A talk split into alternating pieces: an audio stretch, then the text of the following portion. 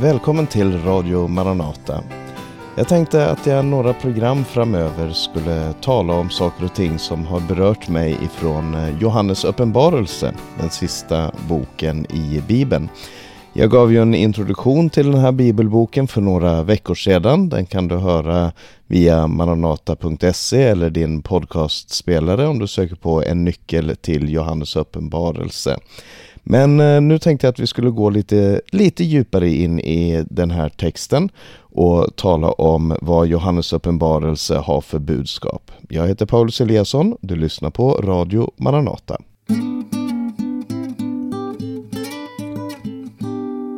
Vi ska försöka se på Johannes uppenbarelse på ett nytt sätt. Eh, och egentligen så är det inte ett nytt sätt utan jag ska försöka ta, se det från det äldsta sättet, nämligen de ögon och öron som läste och hörde Johannes uppenbarelse för första gången. Johannes uppenbarelse är skrivet till sju olika församlingar i mindre Asien, nuvarande Turkiet.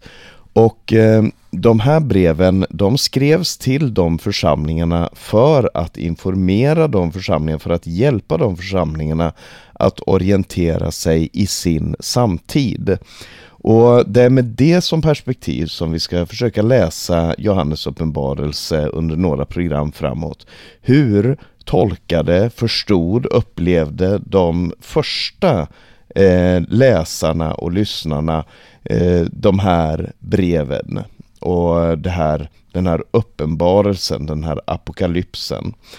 Och vilka de här var, ja det ska vi komma tillbaka till i nästa program, men jag tänkte att vi skulle eh, börja med att läsa lite ifrån Uppenbarelsebokens första kapitel.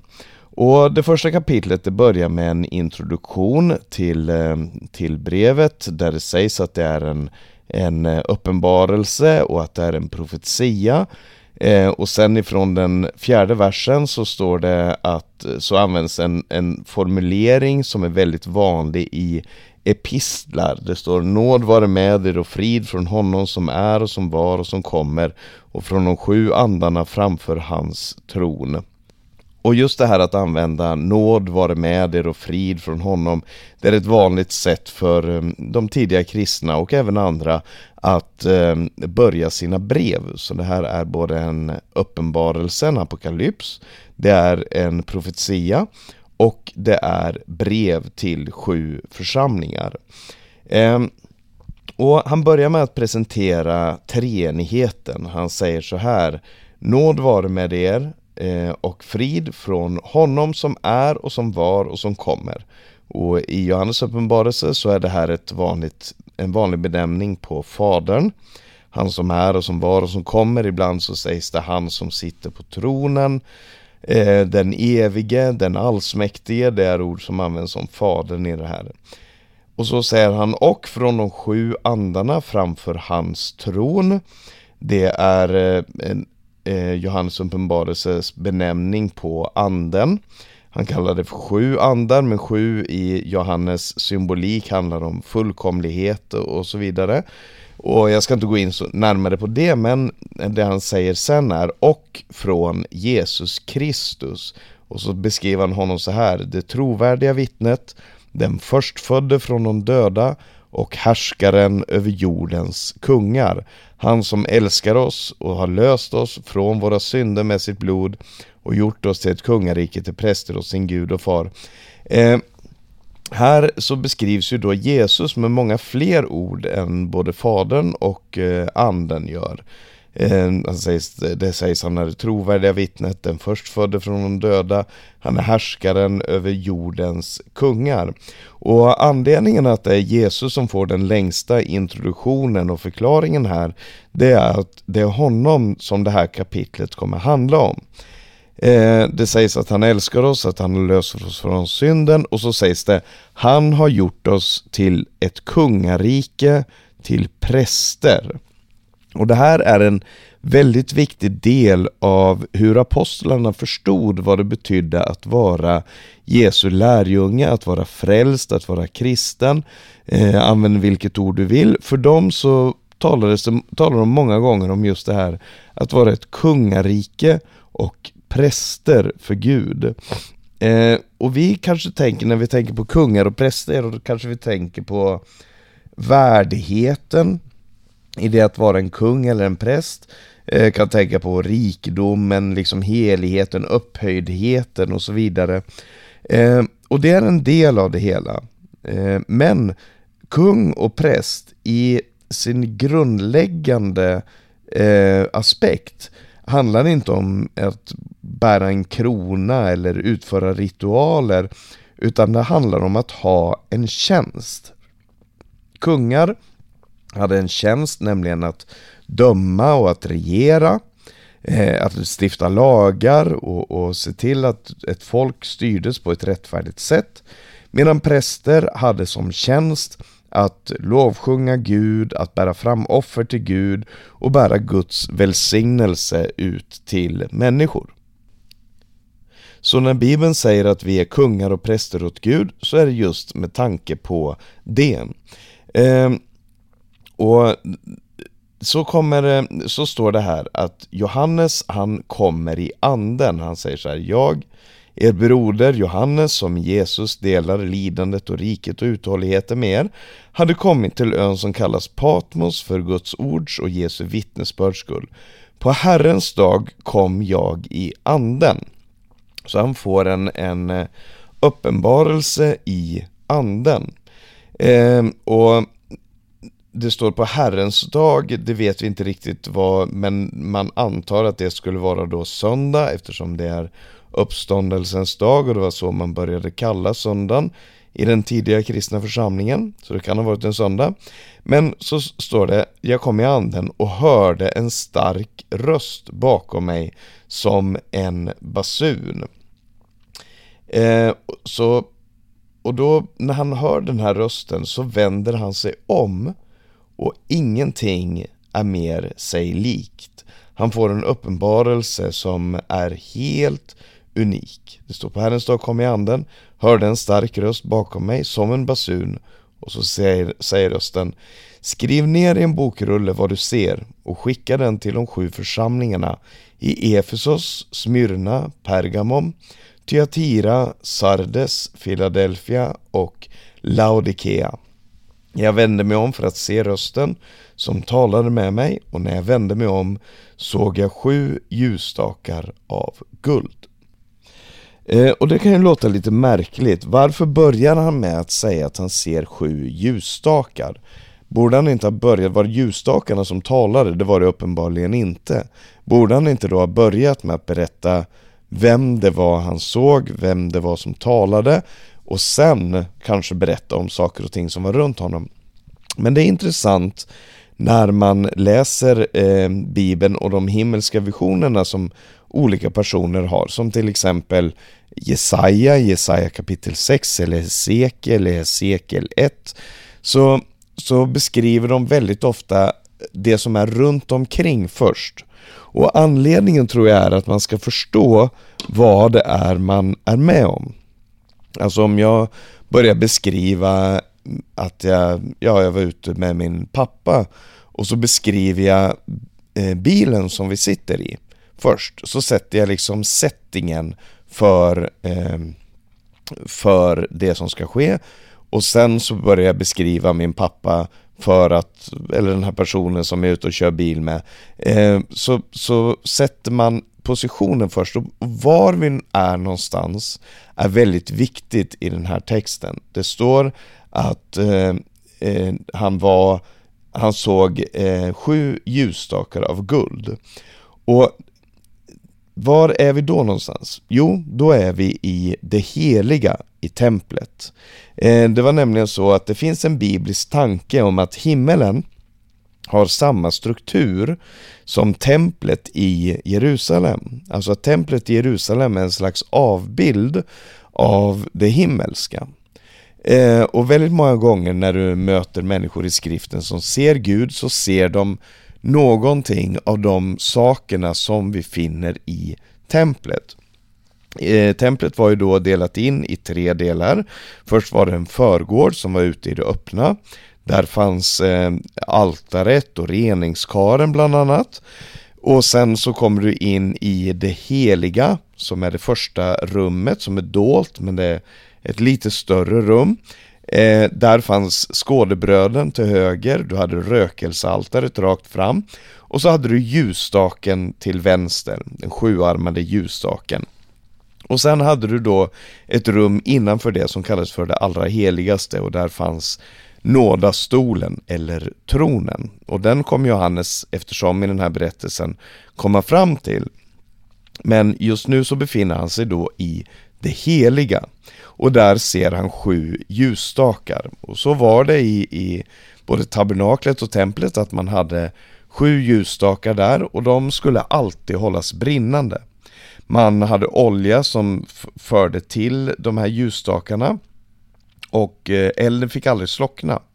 Även om man inte var där på natten så när man kom på morgonen så skulle man gå in där och se till att fylla på olja och se till att allting var i ordning, att, att det brann, att det, det var, fortfarande var ljus i ljusstakarna. Och eh, det var då prästens uppgift.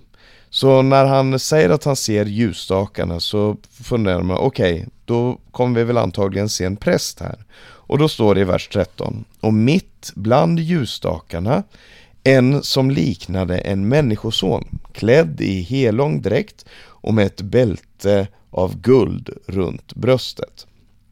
Så vi behöver inte vara i tvivel. Det här är en präst. Han, det står att han var klädd i en hellång dräkt. Det var prästens klädnad. Och så står det att han hade ett bälte av guld. Och då kan vi specificera det ännu mer och säga att det inte bara är en präst utan det är en överstepräst. Det är eh, eh, till varje tid så hade man en överstepräst i eh, Israel och eh, på grund av politiska komplikationer och sånt så var det faktiskt två överstepräster under Jesu tid. Men en överstepräst var det där och eh, han hade då eh, lite annorlunda kläder, bland annat så hade han ett bälte där det var inbroderat guld och det är det som Johannes ser här. Så när han skriver det här till kristna människor, människor som var väl bevandrade i Bibeln, så förstår de med en gång att det vi ser, det är en tempelvision, är inte ovanligt i varken den bibliska eller den utombibliska litteraturen. Man, ser en, man har en tempelvision, en himmelsk tempelvision och man ser en, en ljusstake, då vet vi var vi befinner oss och vi ser en man i en helång dräkt och med ett bälte av guld runt bröstet, då vet vi vad det är tal om, det är en överste präst. Så bilden är att den här översteprästen är på morgonens inspektionsrunda där han ska se till att det brinner i lamporna och att oljan är påfylld. Och om någon lampa är på väg att slockna så måste han vidta åtgärder för det får helt enkelt inte slockna. Ehm, och så kommer då beskrivningen av den här översteprästen. Det står så här, hans huvud och hår var vitt som vit ull som snö och hans ögon var som eldslågor.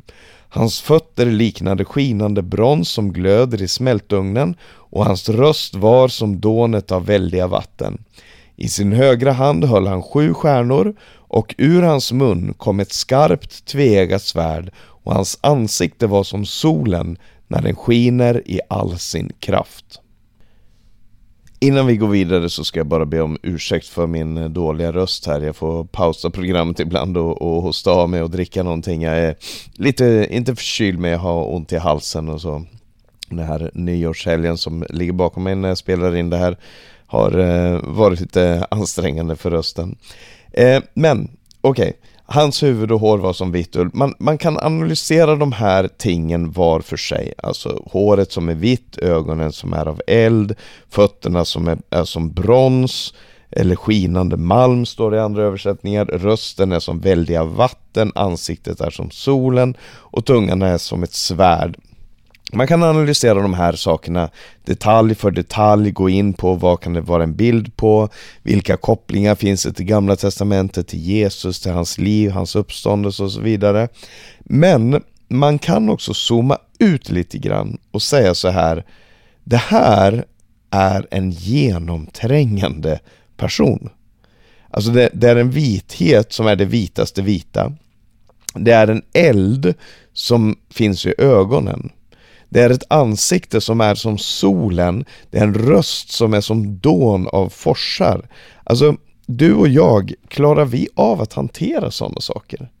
Klarar vi av att, jag menar, just nu här i, i Norge så är det, snöar det så mycket att det är vitt överallt och mitt på dagen om solen ligger på så kan man bli snöblind för att det är så vitt. Eh, och när, när, det står att hans hår var som vit ull, som snö, så tänker jag det, det, det vitaste av det vita.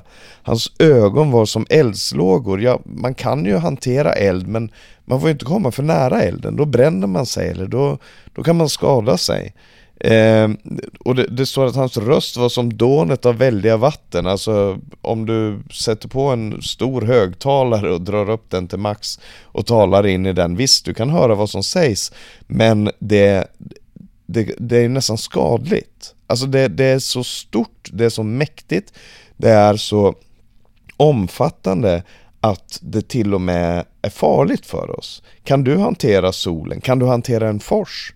Kan du hantera ett svärd? Ett tveeggat svärd? Hans mun är som ett tveeggat svärd. Och, och det är någonting i den här bilden som är förkrossande. Som är där han får se Jesu härlighet. Han hade ju mött Jesus som person då han gick runt här på jorden. Då han var, avklädde sig i sin majestät och härlighet som Filippe brevet 2 säger. Men nu får han se Jesus som han är, skinande som solen. Och han faller ner som död, står det. Jag, när jag såg detta, säger Johannes, då föll jag ner som död och det är en helt naturlig reaktion på Guds helhet. Man faller ner som död. Och så står det men, och det här är fantastiskt. I Bibeln finns det många fantastiska bibelställen som, som vänder sig just när det kommer det här ordet men. Och där står det Men han la sin högra hand på mig och sa var inte rädd, jag är den första och den sista och den levande. Jag var död och se, jag lever i evigheters evighet och jag har nycklarna till döden och helvetet. Var inte rädd, säger översteprästen och vi förstår ju längre vi läser i texten här, det här handlar ju naturligtvis om Jesus själv. Var inte rädd, säger han, och vilken sak att säga när när han eh, är vit som snö, eh, det är eld i ögonen, det är ansikte som solen, det är dån av forsar. Saker och ting som vi människor, som är för mycket, för mäktigt för oss. Men han säger, var inte rädd. Han presenterar sig själv som den första och den sista, alltså en evig Gud. Han är den levande, och så säger han, men jag var död. Jag var död och se, jag lever. Så, och hur kan den första och sista, den levande, ha varit död? Det, det låter som en självmotsägelse. Och så står det, och nu lever han i evigheternas evighet. Men det här är ju just vad evangelium handlar om. Att Jesus, som existerade i all evighet, blev människa, kom till jorden, levde här, dog, uppstod igen och lever i evigheternas evigheter. Det är Gud som blir människa. Och så är det så här, han är en präst som lever för alltid också. Eh, och det, det fanns mycket som skulle ske när en överstepräst dog, alltså det skulle komma en ny överstepräst. Dessutom så handlar det om olika legala saker, alltså människor som kunde få uppleva frihet under tiden som en, en viss överstepräst levde. Eh, om man hade gjort sig skyldig till olika synder så kunde man få förlåtelse men de gällde bara så länge översteprästen levde. Eh, så när en överstepräst dog, ja då bröt det in en ny era och med mycket osäkerhet för människorna. Men här står det att vi har en överstepräst, eller här presenteras en överstepräst som lever i evigheters evigheter. Så Johannes han faller ner som död. Han, han dör i synen av Jesus, av hans härlighet, av den han är. Och det är helt naturligt för att hans, eh, han är på inspektionsrunda. Han är den helige, den stora och helige Gud som är på inspektionsrunda bland de här sju ljusstakarna. Vi ska komma tillbaka till dem. Eh, men eh, Johannes dör i mötet med Jesus.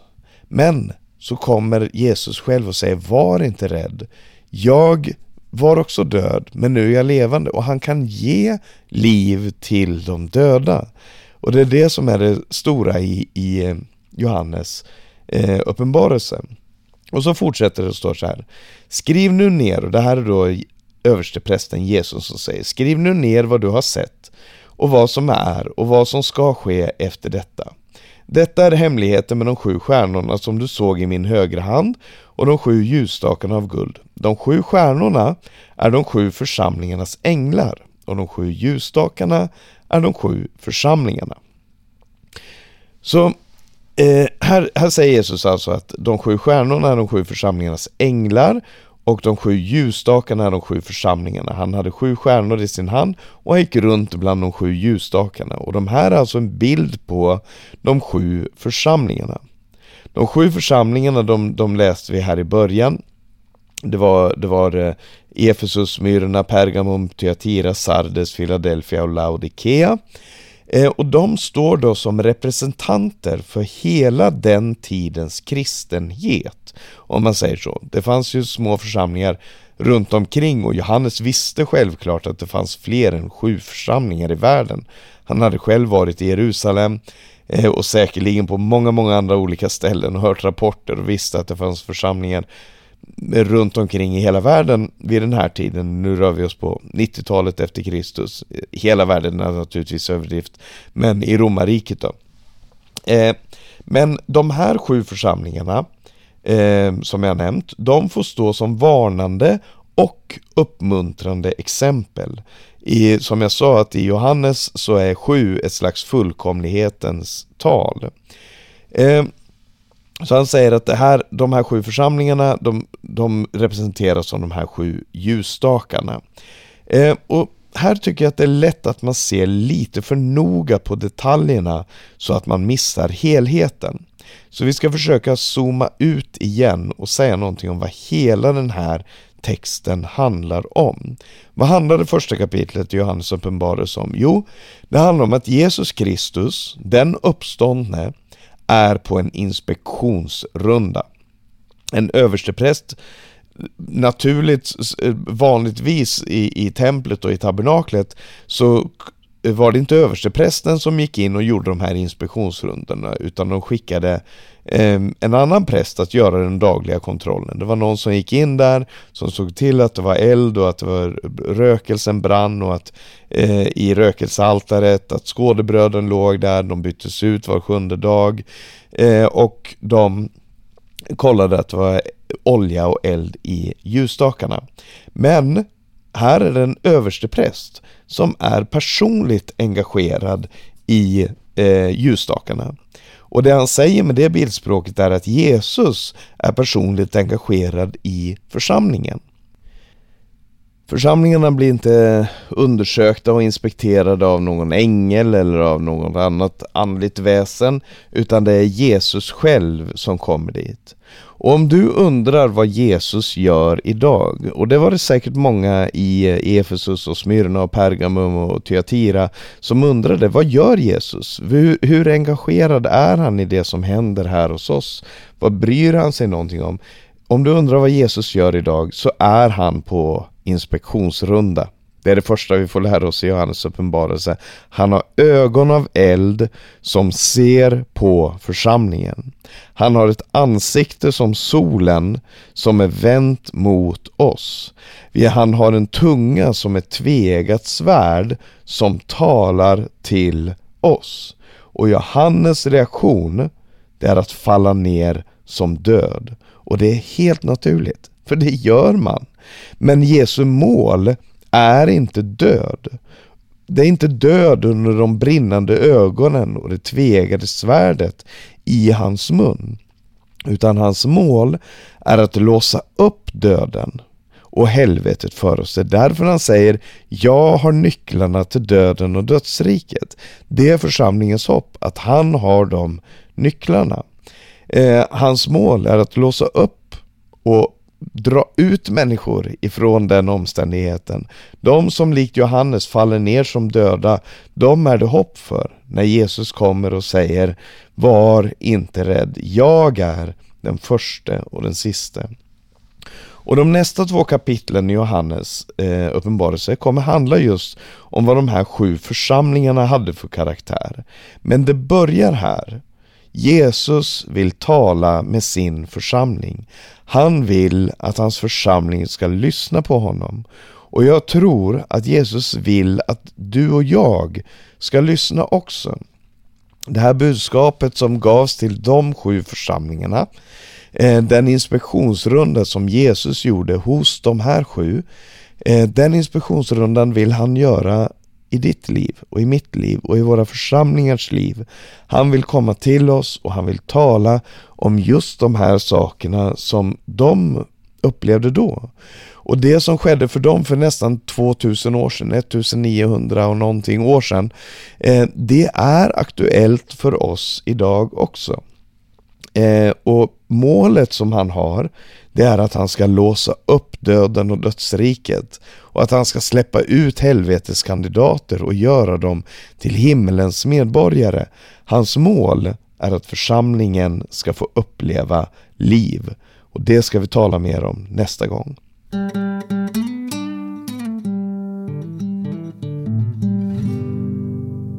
Du har lyssnat på en podcast ifrån Radio Maranata. De här programmen har sänds över Stockholm och Örebro närradio också. Eh, du kan komma i kontakt med Maranata via e-post info maranata.se eller telefon 070-201 60 20. Vi önskar Guds rika välsignelse och på återhörande. Nu lyssnar vi på en sång.